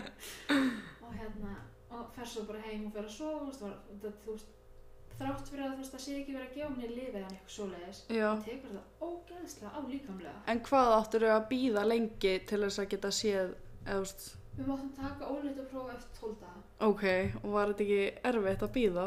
Heyrðu, um, um kvöldið þá þarf ég að fara bara að lækna vaktina vegna þess að ég kom með kinnhólusýkingu. Nei. Jú, Oh my god. uh, og svo kemur sko, þar fæ ég verkjarlif og ég lét lækninu vita að ég var nýbúin í uppsetningu fóstuvísi þannig að ég væri möguleg ólétt en það er samt ekkert vita hvort að fóst, fóstri haldist en Já. akkur núna er ég ólétt. Mm Ekkert mál, hann gefið mér fjögur, þú veist, sendi fjögur resepti í hérna apotekið Mhm, og ég fer eitthvað að leysa þú út það er eitthvað, þú veist, verkastillandi 2 svo eitthvað síklarlif og svo eitthvað eitt lifi viðbútt mhm. og ég fer eitthvað út í bíl og fyrst þess að ég gerir er að fara að lesa lefs, lífseðla uh, síklarlifið eina hverjum hundra konum af þessu síklarlifi glýmum við ófrjósun eftir það uh, hann gefur mér uh, hérna, íbúfenn sem bólguðandi sem að er big no-no á meðgöngu Já. og hann gefur mér nefúða með staða styrum að það ógléttar konur mega ekki taka nefúðan á meðgangu eða brjóstafgjöf Ok, what the þannig að ég hell? lappa aftur inn á lækna þegar ég fara ekki eftir fæðingarhólfuti Já. og hann fara eitthvað, hvað meinar ég fyrir eitthvað þú veist, veistu eitthvað hvað það sendi í þú veist, apotekið eða, þú veist, lastu hvað þú sendi mér Já. og var bara með lífsæluna þetta bara, þú veist, þannig að þú veist, metir sinni metir pappirinn bara, Já. bara serðu hvað stendur hérna Já. alveg brjáli í skapinu, sko Já, ógislega pyrrandi. líka sko þú veist þegar við förum í sérst ekkheimtuna þá Já. þurftur hún að borga restina fyrir meðferðina Já. uh, og þá borguðu þar um 600.000 Vá. þú veist sem í rauninni er það ekkheimtan og uppsetningin Já. um, og þú veist og svo er rauninni þessi læknitíma sem ég þarf að mæta nýja á milli eftir þess að skoða hvenar er rauninni eftir að gera uppsetninguna Já. það er rauninni innifalið í því verði Já. allir aðrir auka læknatíma sem hefðum farið í þú veist áður það voru læknatíma sem þurftu að borga sjálf Mm og allir aukatímar eftir eh, nei, uppsetninguna eru tímar sem þurfum svo að borga aukarlega Já. þannig að þú veist þarna voru komin bara í þú veist með livjónum og þú veist fyrsti læknistímin og þú veist og hérna meðferðin sjálf þarna voru komin bara í þú veist 8-900.000 Mm og ég var ekki svona pæjar búin að reikna út hvað þú veist allir litlu læknistímanu voru búin að kosta okkur eða, Já. eða þú veist að ég er endar hérna, jú, ég er endar stenglimdi því að ég þurfti að mæta nefnilega upp á landspítala aftur til maðuravendar áður en að rauninni fæ að fara á hormónar lifið Mm. og þú veist, þú tala við sem sljósmaður það til þess að vinna þess að Livjó og landsbytina vilja vilja þú veist, vinna rosa nái saman þannig að þess allir séu sammála því að þetta sé lífvænleg meðferð Já. þannig þú veist að fara í viðtalum á landsbytala nema þar lendi ég á held ég einni vestur ljósmaður sem ég æfinni hitt Oh my god. en hún satt með mér í tvo klukkutíma og talaði um allar þær áhættu meðgöngur sem að ég væri í ef að út af því að ég er þetta há og ég er þetta þunga þá er ég ofvöldu sjúklingur og, og út af því að þú veist að ég er ofvöldu sjúklingur svo að samkvæmt býðið með stölunum að þá er ég í ofmikilli áhættu með það að þú veist að fylgjan mín verður stór og ef fylgjan er stór þá er barnið og lítið og ef að barnið er, þú veist, en ég er líka áhættu að ef að fylgjan er þetta þá er barnið of stórt og þá þarf ég að vera í keisara og ég er í áhættu fyrir þessu og þessu og þessu og ég sat hann og verið tvo klukkutíma og hlusta hann segja bara að ég ætti ekki eignast barn Guð minn góður. svo í lók tíma stekur hún blóðþristingi minn hann alltaf bara sky high að kvíða Já. hún bara, herði já, þú ert líka með blóðþrýstin sem vandamál uh, þannig að þú ert í áhættu meðgöngu fyrir því líka um, ég mæli bara með að fara að taka hjartamagli núna uh, fari bara og mætir í ræktina í svona þrjú ár og gefi bara einhverjum öðrum plásið sem þarf þetta meira en þú Oh my god. Nei. Jú, og þetta er þú veist ljósmaður á landspítalanum Oh my god. Getur ekki tilkynnt þetta einhvers staðar? Ég líka bara þegar ég fór aftur og hitti læknir minn hjá Livi og hann var bara eitthvað hvernig gekk, ég var ekki að herði, ég veit allar þær áhættu meðgöngur sem að ég er í og hann var bara eitthvað, nú, ég var eitthvað, það er nokkuð, ó, einhvern tímann hitti þess að ljósmaður aftur, hann var bara eitthvað, herðu, nei, það Oh my ætlum við bara ekki að láta það að gera Nei. En Vá. þú svo er maður einhvern veginn út þetta en alltaf bara one on one samtálanda með henni þannig að þetta er Já. bara orðamóti orði Já, true. þannig að þú veist, ég hugsaði með mér að henni gæti ekki tilkynnt hana en ég er bara búin að láta þú veist, eins og þú veist, ég óskaði eftir að ég myndi ekki þurfa að hitta hana aftur á meðan ég væri í glasa frjókuna ferlinu Já, þú veist, heldur fekk ég bara aðra gljósmóður já. þannig að þú veist, en Þú veist, af hverju eru svona konur að vinna þessa vinnu? þetta er líka bara, þú veist, að horfa á hana þú veist, þetta ljómar ógeðslega ljóta sem ég er að fara að segja en þú veist, ég horfði á hana, hún var svona 40-50 Mm uh, hún var mikið, mikið stærri en ég í ummáli Í alvöru. hún sjálf átti börn Já, hún sagði það upp á tímans já. og ég horfði samt bara á hann og ég var bara, þú veist, þú ert í alveg að segja við mig að ég sé of feit þegar þú situr hann á móti mér og segir þú veist, þetta útlítandi Mm og þú veist, og, og þú veist að eina sem fór í gegnum hausna með þarna, þú veist, hún veit að ég er leiðin í glasafrjókunarferli ég vilja eignar spatn og ég sé að reyna þetta Mm myndi hún í alvörunni segja við konu sem var í offötusjúklingur sem væri hann álétt, heilu, vilt ekki bara fyrir fóstureyðingu Hún grins. þú veist, mér leið Hún er alveg eins getur að sagt það. nákvæmlega ég líka bara, þú veist ég var í sjokk eftir hennar auðvitað, þú veist, var maður alltaf hann að kvíðin, þú veist, allar áhættunar sem ma- hún var búin að segja að maður var í Já, líka bara eitthvað að láta þylja illa fyrir þetta, einhvern veginn. Já. Þú veist, þannig að þú veist, ég náttúrulega bara ringið strax í manni minn eftir, þú veist, þann tíma, hann er bara ekki að heyrða þetta er bara tussa já, og við viljum ekki að hlusta á hana já, ymmit. þannig Gott hjá honum. að- mjög, hann er, hann þólir ekki svona þú veist. Nei, því að þú veist, maður sér fólk af öllum stærðum og gerðum og já, vera eignarsbönn og, og ekki eignarsbönn já, ángdjóks. eða bara fólk á pínu að þú veist, hafa sína skoðan fyrir sig eða hefur ekkert gott að segja Já, en hann á, þú veist, við erum komin þarna að uppsendingunni og ég fer þarna á síklilega kúrfinn og allt þá í áreikherðinni þetta er ekki að fara að virka hjá mér núna þú veist, ég er bara þarna, ég er að fara að eigðurleika bara uppsetninguna mína með að vera á síklilega kúr og ég veit ekki hvað og hvað já, því að þú veist, þetta er náttúrulega svo ótrúlega viðkvæmt stig já, og, þú veist, förum í uppsetninguna 8. mars já. maðurinn minn svo ammali 11. mars Mm, og þannig að þú veist ég var rosa fegin þú veist að, að hann átti þarna ammaliðan í millitíðinni þannig að ég var svona að dreifa hugunum og, já, og en svo eftir þú veist átta dagas frá uppsendingu mhm, það er ég bara ónýtt ég er bara mér er svo flögurt og mér er svo heitt og ég bara þú veist það er eins og ég ekki bara breytingarskeiðu Átta dagar eftir uppsetninguna. áttu dögum eftir uppsendingu þannig að við stelumst þess að pissa óléttu frá þá við máttum ekki pissa á það fyrir en 12 dögum eftir uppsetningu Oh my god, nema við fáum bara byllandi bleikar línur já, og þú veist, með kvöldpissinu já, í þokkabótum já, og ég var fyrst bara ekki að horfa eitthvað að prófi og sá ekki seinni línuna og ég var bara, þetta, þetta virkaði ekki þú veist, og var alveg bara svona búin Já. að búa mig undir það út af allu þú veist, að þurfa að hafa að fara til læknis og já, þú varst ekki að búa sneitt við þessu. nei, þú veist, að vera búin að vera síklarlegum og verkarlegum og veit ég hvað og hvað Nei, og hann eitthvað tekur prófið og tekur það upp í ljósakrónuna bara, þetta er bara eins og COVID-prófið maður ég er hann svo góður í að lesa þau og ég bara eitthvað, oh my god, hann bara eitthvað, heyrðu það er lína og ég bara eitthvað, þetta fokk í mér, þú veist, aldrei fengið jákvæmt ólindu frá Já. hann á okkar árum já, og hún bara eitthvað, hann er bara eitthvað, það er lína, horfðu oh my og ég eitthvað tek god. prófið og ég bara eitthvað, heyrðu, þú er rétt fyrir hann bara eitthvað, auðvitað, ég mistar ég að lesa kóðprófin sko Oh my god. og fyndna er sko, eða fyndna okkur fannst þetta að vera svona meant to be vegna þess að okkar var boðið í kaffibúð hjá fjölskyldinni minni Já, uh, daginn eftir mm, þar sem að allir í fjölskyldinni minni voru að fara að hittast já, og þannig að þú veist við höfum verið rosa óopin með þú veist bæði ófrjósimina, Já. glasafrjókunina og þú veist bara allt ferlið í kringum þetta já, þannig að þú veist ég var alveg búin að vera þú veist vildi við nefnilega, vildum ekki segja hvenar við myndum fara í uppsetningu uh, nei.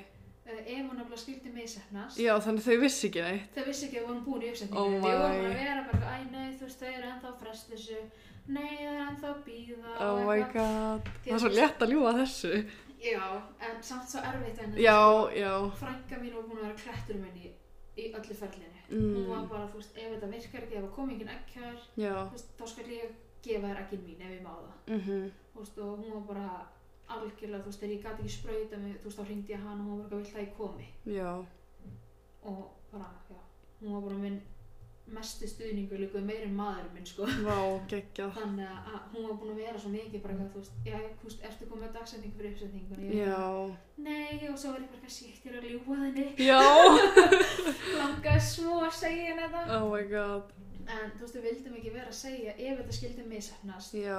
Þá vildum við geta fengið nokkra daga bara við 2000 að sirkita, Já. en ekki það að fólk væri bara sama dag og ættum að taka prófa bara eitthvað, hvað er, hver er niðurstaðan, hver er niðurstaðan. Já. Þannig að við mætum í þetta matabóð. Já. Við vorum búin að búa því samfellu Já.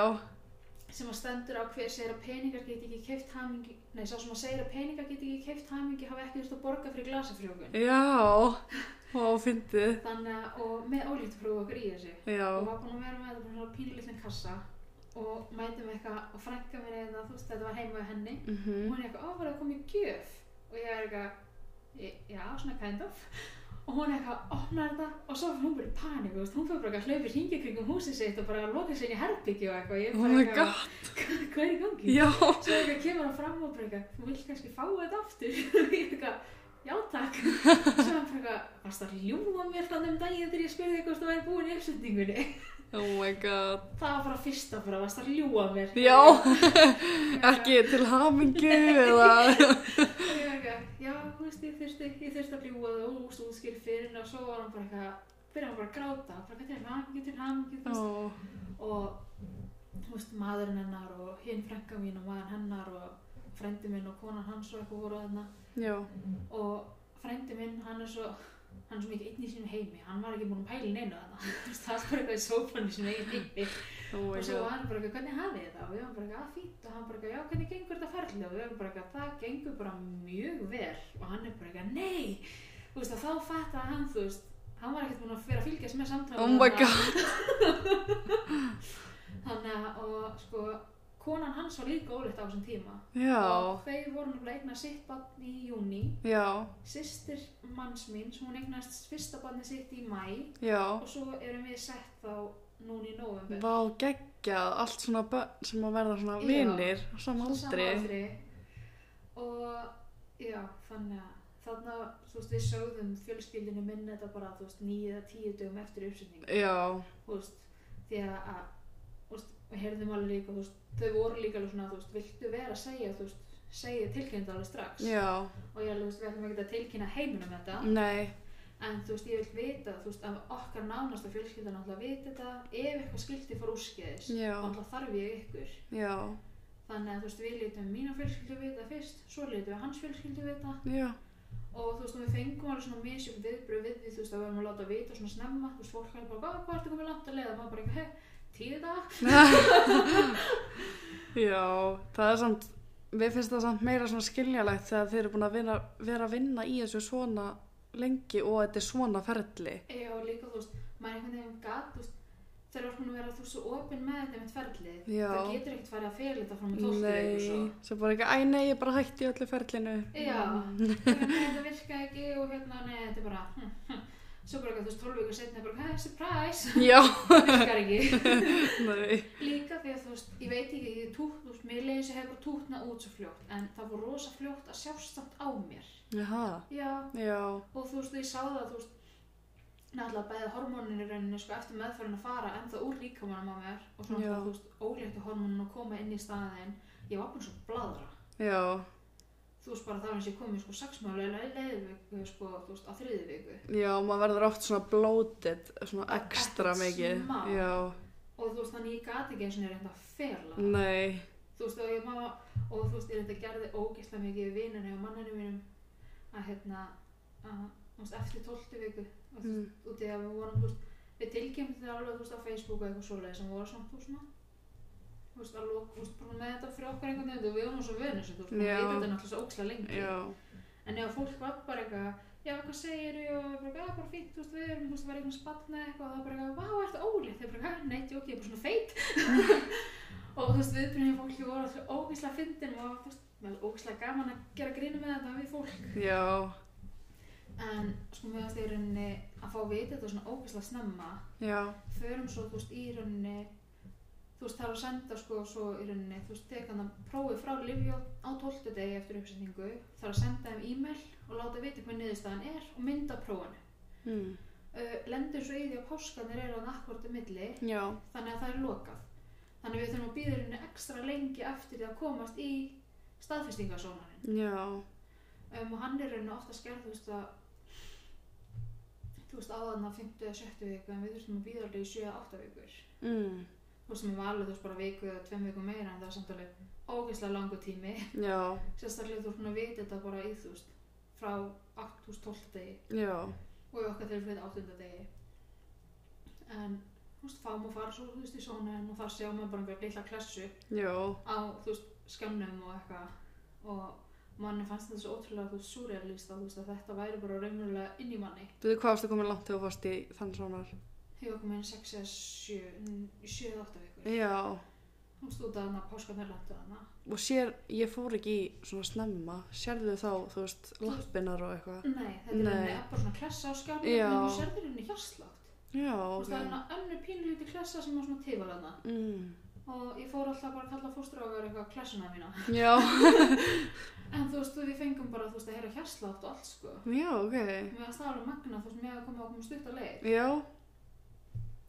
og svo, þú veist, útskrifaði lífi á mér henni, þú veist, gaf okkur blað með, þú veist, hvað fóstrávísin hefur gamall og þú veist, hvenar þeir hvað ég var að koma langt með þeirra mat og jæri, jæri, jæra sem ég átti svo láta ljósmaður hafa mhm, og ég ekki að panta tímabústu ljósmaður í helsugjustin hjá mér en svo var enginn að segja mér þurft að bóka sjálf 12 vikna sonarinn nei, ok, þannig að þú veist ég eitthvað er komin þú veist 8 eða 9 vikur í leið og þá allir bara eitthvað, ég ætti ekki örgulega mér að bóka 12 vikna sonarinn og ég var bara eitthvað, ó nei, þú veist, ég held að það væri bara gegnum ljósmaður já, ég held Þú það, veist, það var enginn mun að segja mér það neitt næ, þannig að, og þú veist, ég átti tíma hjá ljósmaður sko þegar ég væri komin 11 vikur í leið mm, og bjóst þá við því að hún myndi þá annarkvort þú sker þetta eða bóka mig í tólvöknarsónarinn já, en þú veist, svo er ég mitt látin vita að þú veist, þegar ég er komin nýja, tíu vikur að leiða eitthvað já, að ég þurf að bóka þetta sjálf og bóka þú veist, ringi landsbytunum og bóka mhm, og fæ það er henni sónar þegar ég er komin 13 vikur og þú veist, fjóra daga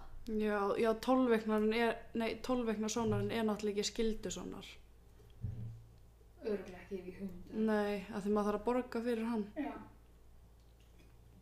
En ég er nefnilega held að væri henni skildu út af því að þannig er náttúrulega að vera að greina fóstur úr skallana og hnakkarna. Já, Þetta um væri þetta engin ætti að vera svoleiðis. skildu svona, sko, finnst mér. En þú veist, út af því ég náttúrulega búst bókanurinn svo seint og þá þurfti að býða þannig næst í, í tvær vikur meira held en rauninni. Í alveg, Já. alveg til 14. viku. Ég þú veist, ég var komið næst í 14 vikur. Vá, Um, og svo þú veist, þá er rauninni þurfa þú veist að fara að ákvæða hvort þau vilja fyrir nakafjöktamælinguna mhm, uh, og þú veist, í blóðpröðunar og eitthvað svoleiðis. já, Og, og þú veist, og þetta einhvern veginn, maður getur googlað og googlað og googlað en það kemur rauninni ekkert í ljós. nei, og einhvern veginn, þú veist, að hitta ljósmaðurna, þú veist, hún útskýr, þú veist, hvað var skoðað og, af, og þú veist, en það er henni var engin sem gæti aðstofað með það af hverju maður ætti að gera þetta. nei, Þú veist, er eitthvað kostir eða gallar eða, þú veist, og það við vorum búin að ræða það, þú veist, að við erum alveg til í, þú veist, hann pakkaði barnið okkar með dansa eitthvað svo leiðis já, og það er náttúrulega, þú veist, búin að vilja barn svo ótrúlega lengi og það Já. er þetta ferli. En, bara taka því eins og það er. já, en þú veist, við viljum samt vita ef að væri, þú veist, einhverju svona genagallar sem væri endilega ekki lífvænlegir. Já, En það er einhvern veginn að enginn aðstofa okkur með það, þú veist, hvort þú ættum að fara í blóðpröfuna eða ekki. mhm, Um, þannig að við förum í rauninni í tólveikna sóna svolítið svona blind hvað við ætlum að gera. Vorum búin að ákvaða þú veist náttúrulega að við vildum fara nakka þetta mælinguna mhm, og hérna förum í sónar en allt í góð með það, þú veist, þar sjást þeim eitt út útlimir og svona komin skýrara mynd. já, fannst þér ekki geggja að sjá það. Jú, en að ég myndi sama tíma, þú veist, út í að hún, þú veist, það hreyfði þessi svo ógeðslega mikið Já, og mér fannst svo skrítið að finna ekki fyrir því sjálf. já, en þú veist, þetta er náttúrulega bara eitthvað 2 eða 3 cm ráðna já, en við þurftum sko og þegar við erum sérst bæði sjálfstæð starfandi í dag ég og maður minn þannig Já. að við þurfum þú veist að taka henni frí frá vinnu og þú veist, og við erum ekki á launum með neitt á meðan mhm, og hérna, þannig ég var henni búin að þegar ég bóka í 12 okkur svona það er nú að spyrja hvernig það svona en tekið langa tíma og það er bara svona, já, það er bara svona hálftími já, þannig ég var eitthvað ok, þú veist, var búin að þú veist, um mæti mig sjónan klingan 10 mhm, og ég var skoraði vinnu klingan 12 já. sjónan hjá okkur tekunast í 2 klukkutíma Hæ? vegna þess að þeir náðu ekki að hnakka þitt að mæla á barnið. What? Það lág svo ógeðslega grafi ofan í fylginni Mm, að þú veist það var, ég var komið með tvær ljósmaður, ég var komið sko með nuttsár á magan Oh my god. og það bara þau ætluðu ekki að ná að mæla hnakkaðvíktina. What? Þú veist, maður sá það eitthvað, þú veist, þau hristu svona eitthvað magan á mér Já. og hérna, og þetta myndi mér svona tækja það sem að maður var alltaf hérna með búblunar og þetta er að fiska eitthvað svona upp í svona í vatni og þetta er að fara ofan á pinnan. Já. Myndi mér svona ekki að batni vabri eitthvað, þarna svona fljótið um eitthvað í svona búblum eitthvað. Oh þarna. my god. og svo bara settist aftur nákvæmlega eins, þú veist, bara í leið bara. Vá. Þannig náðu ekki að gera það. þeir náðu loksins nakka þetta Já, ok. eftir tvo tíma en þá Shit. náttúrulega hefðu við ekki tíma fyrir blóðpröfuna þótt ef þau hefðu viljað hana. Já. en sem betur við komum þú veist vel út Já. en þetta bara, og ég var strax bara já þessi krakki verður eitthvað, lætur hafa fyrir sér Já. En hvernig var meðgangan annað fyrstu vikunar? ég ældi lungum og lifur fyrstu 14 vikunar Shit. bara á þú veist viku 5 eða 4, 4, 5 þá fór ég að æla bara hvern einasta dag þú veist ég, ég var fann að vakna á nóttinu til sérstaklega til þess að fara að æla Já. ég bara sko ég er rosa hissa að ég hafi ekki verið lögð inn á spítala með næringu æð vegna þess að ég, þú veist, ég gata ekki borða neitt ég ældi Nei. öllu, ég ældi vatni Oh my god. en þú veist, þau voru samt bara eitthvað, þú veist, nærðu samt að kingja þú veist, þrem, fjóru sópum á vatni og ég er eitthvað, þú veist, já, ég nægja alveg að kingja eitthvað á vatninu og þú veist, að halda þið neyðir og þú veist, ég er alveg að pissa og það er eitthvað, já, þú veist, það vart ekkert oft þarna þannig að það vart ekkert að koma Hmm.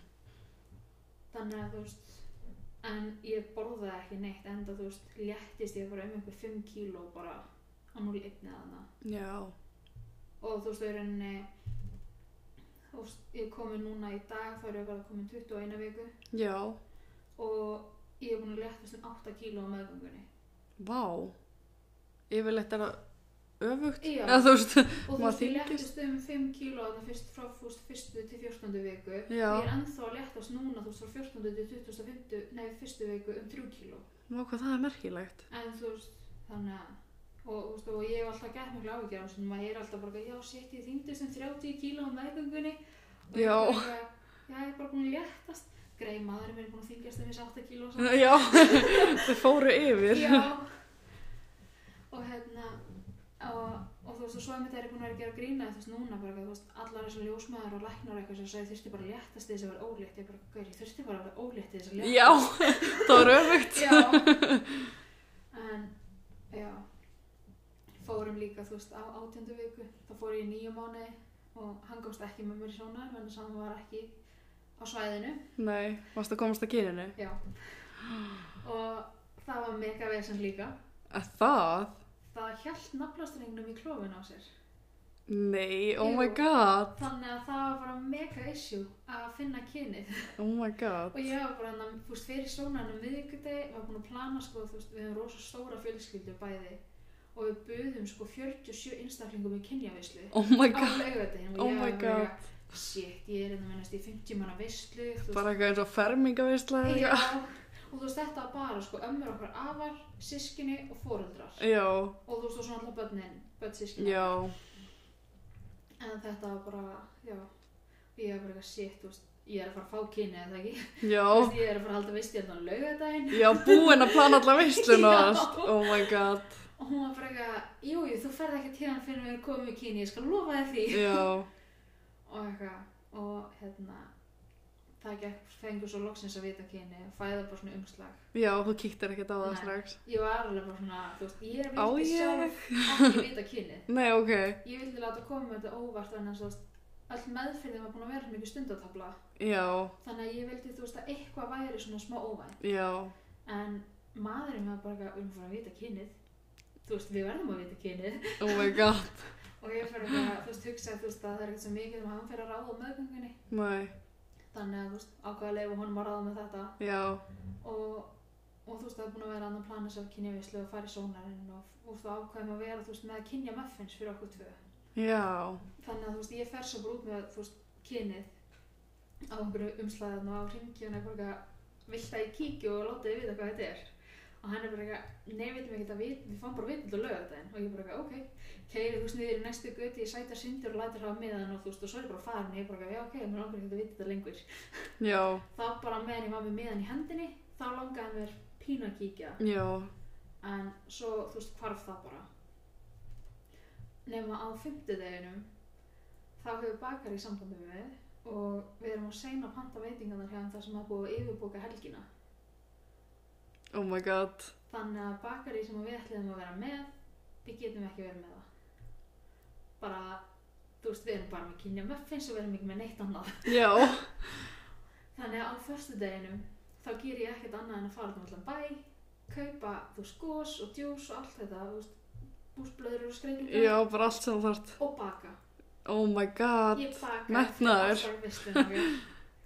og þetta var bara og svo ringdi Fyrir 40 mann, sko. fyrir 40 mann. þegar þessi betur fyrir ringdi í mig á föstudinn og voru bara eitthvað hérna þú veist, hvað var það svo ætlaði að panta og ég eitthvað segja um það og hafa bara eitthvað við getum rettaði kleinurringjum eða þú vilt Mm og ég bara eitthvað herði til ég að hvað er með kleinurringjum Já, bara þú veist að fá eitthvað sem ég þyrfti ekki að gera sjálf já. en já en ég náði að baka fyrir þessa veislu og við náðum að græja og gera allt saman Já, var ennþá Tókst. þú veist á lögadagsmotnin þú veist þá var ég ennþá að baka og gera brauðrétt og eitthvað já. og kemur svo í ljós að þú veist að þetta er lítið stelpa Vá. ég, ég, Varst ekki ánægð? ég er meiri stráka mamma Er þannig það? að ég, Þú stressuð? já, ég, mjög Oh my god.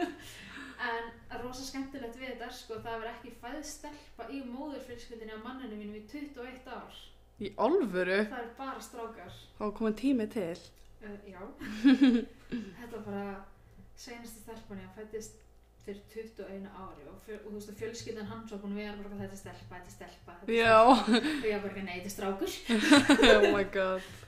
og maðurinn mér samt alveg viss um það að þetta væri stelpa vegna þess að þú veist hann var alveg, við erum mikið betri strákafóruðrar en þú veist það er bara okkar hefni að þetta sé stelpa Mm. Já.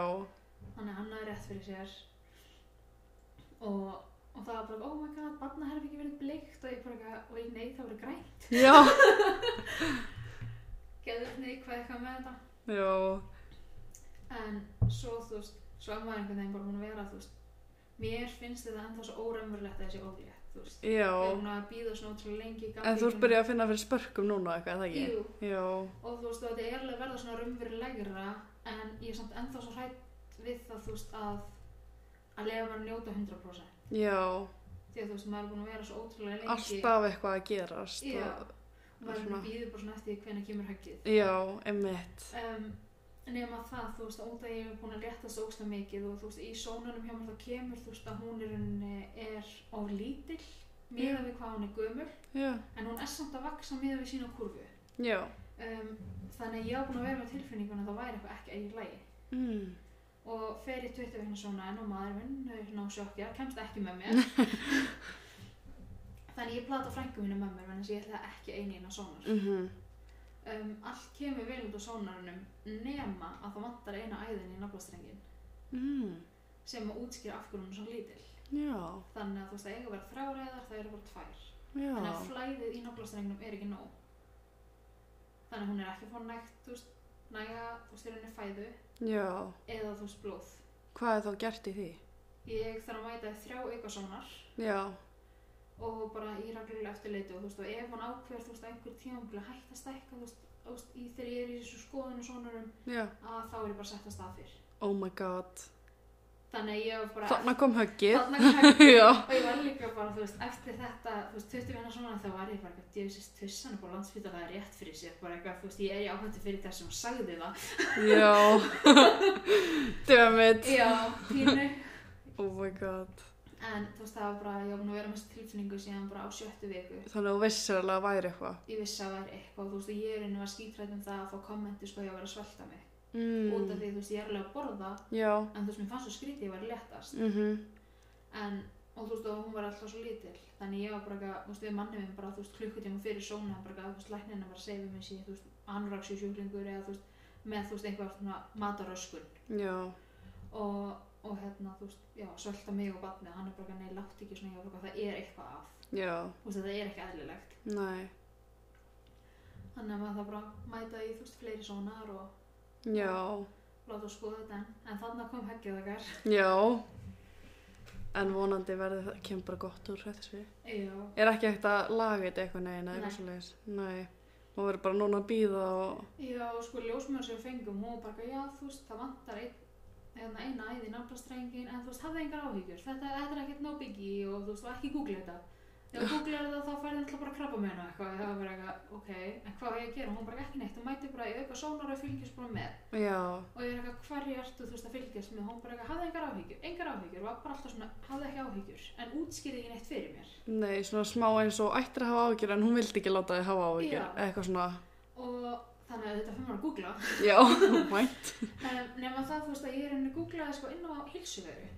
Mm. Þannig að þú veist, ég er svona þarna, uh, ljósmaður, þú veist, það er svona ljósmaður eða eitthvað sem ég getur fundið henni inn á hilsuveru. Mm. Með svona fróðleiksmálum um meðgangur. Já, Og finn þar henni út sko 0,5% af meðgangum eru með henni að fæðingagalla. Nema það að í 96% tilfella gerist ekki neitt. já, ok, Eh. gleðið þá ekki betur. Í, en ég var samt bara eitthvað að það er samt þá 4% sem að eru annarkvæmst með hjartagalla, nýrnagalla eða genagalla. Mm. Og ég var bara eitthvað, ok, shit, þú veist, ég náði að vera í 0,5% tölunni, nægir það að vera í 4% Já. tölunni.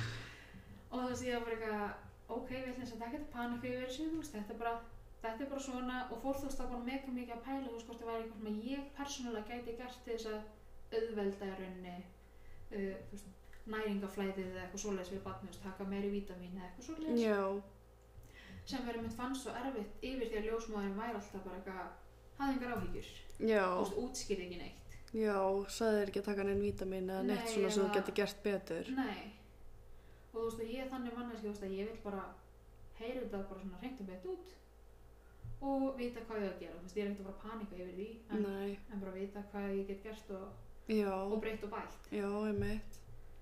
en, en þú veist að vera hún að reyna samt, þú veist að ég eignast barni í, þú veist, fimm ár Mm þú veist, ég fekk, við byrjum sko að reyna að eignast barn 3. júni 2018 Já, þú veist, þá fekk ég, þú veist, þá keftu við fyrstu samfellina sem við vorum bara eitthvað, þú veist, það var mikla músamfella og við vorum bara eitthvað, ok, þú veist, þetta er bara getnaverðin komin út, við þurfum bara að ríða, krakkin kemur, þetta er bara samfella sem við ætlum að nota til að tilkynna kynið mm og þú veist, þá fekk ég við snart þetta með minningu bara, úst, núna í júni bara eitthvað, að ég hefði kefti þessa samfella og ég var bara eitthvað, shit, hvað Oh er my langt síðan ég God. kefti hana mm og hún var steingleim, hún var einhvers staðar í kassa heima og bara, oh my god, en já, maður er eiginlega bara svona komin aftur á þetta litla bleika ský og, já, og líður ekki vel á meðgöngunum bara. sko um leiðu ég hætt að æla Já, Og e- þá eftir byrjaði- það meina já. ég. en ég er í rauninni sko hætt að æla Já, og ég fekk strax migræni ó, og svo þú veist að átjöndu viku þá svona hætti migræni að koma þannig ég loksist núna frá hann að njóta mín já, en ég ok. var alveg bara fyrstu fjórstofn viku þannig að við erum bara eignast eitt bann sko Já, bara ef að þetta verður svona restina meðgöngur þá er bara eitt bann að koma já, og svo gleymar öllu þessi slæma þegar að, þú veist, barnið kom í hendunar og alveg öruglega það er vonandi. nema það þú veist að, að sko og þegar ég var sérst í svona hormónahóp Mm uh, fyrir tæknifrjókanir á Íslandi, eða þú veist, fyrir konur á Íslandi í Já. tæknifrjókanarhugleiðingu. og hérna þegar ég óska eftir að vera sett í framhaldshópin um, þá senda á mig konur sem ég þekki og þekki ekki skilabóð -hmm. um það, það var einn til dæmis sem sendi mér það að oh my god hvað þetta er gaman ef ég hefði ekki mist fóstrið mitt það hefði verið settar á sama tíma og Oh ég my fekk ekki eitt svona skilabóð ekki tvö og ekki þrjú en ég fekk svo mörg skilabóð frá konu sem ég þekkti og þekkti ekki sem voru persónulega hafði fyrir að skrifa mér skilabóð til þess að láta þú sem til hamingju en Oh my og god, þú svo er bara eitthvað, já, ég misti fóstur og ég er eða, ég er eða, maður bara eitthvað, hvað er að gera við þessu upplýsingar, þú veist, það er næg pressa. já, gett svona bring you down, eða þú Já. veist, svona einhvern veginn. Og þú veist, og ég fekk sko fyrstu snáðan að skilabúðin áður en í rauninu förum í sko staðfestingasónarinn, þannig ég vissi ekki eins og hvort það væri hún allir lægi með, þú veist, uh, meðgönguna eða, þú veist, hvort það væri nokkuð með utanlagsfóstur eða hvort það lægi rétt eða, Já, nákvæmlega. eða hvort það væri komið, þú veist, væ- hvort ég væri búin að missa eða, þú veist, fást ólítuprófi eða whatever. Já, Og ég er búin að fá þetta bara svona í gegnum alla meðgönguna svona skilabúð. but, bara þú veist, vá hvað þetta er gaman en þú veist, ég var komið þetta langt að leið og misti eða ég fór í þennan sónar það bara kemur hjarsláttur fyrir næsta sónar það er engin hjarsláttur og ég get að hræða þig. já þannig að þú veist þegar svona heilbreyðstarfsfólki hætti að þú veist það var svona berja mann niður Já. það var bara eitthvað fólk út í bæja að gera það Já, ángriðs, alltaf ykkur. alltaf einhver Mm en, en maður einhvern veginn reynir bara maður er um pínu þykkar skráp Já. Hversu marga tilraunir tók það að verða ólétt?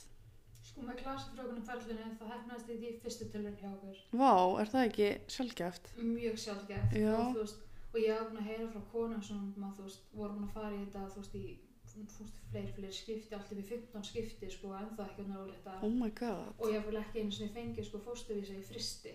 Já, En við náttúrulega eigum tvo fóstuvísi fristi þar sem þetta hefnaðist í fyrsta hjá okkur. já, og ætliði bara að geima á þar. Um, já, við meðum geima því alltaf tíu ár.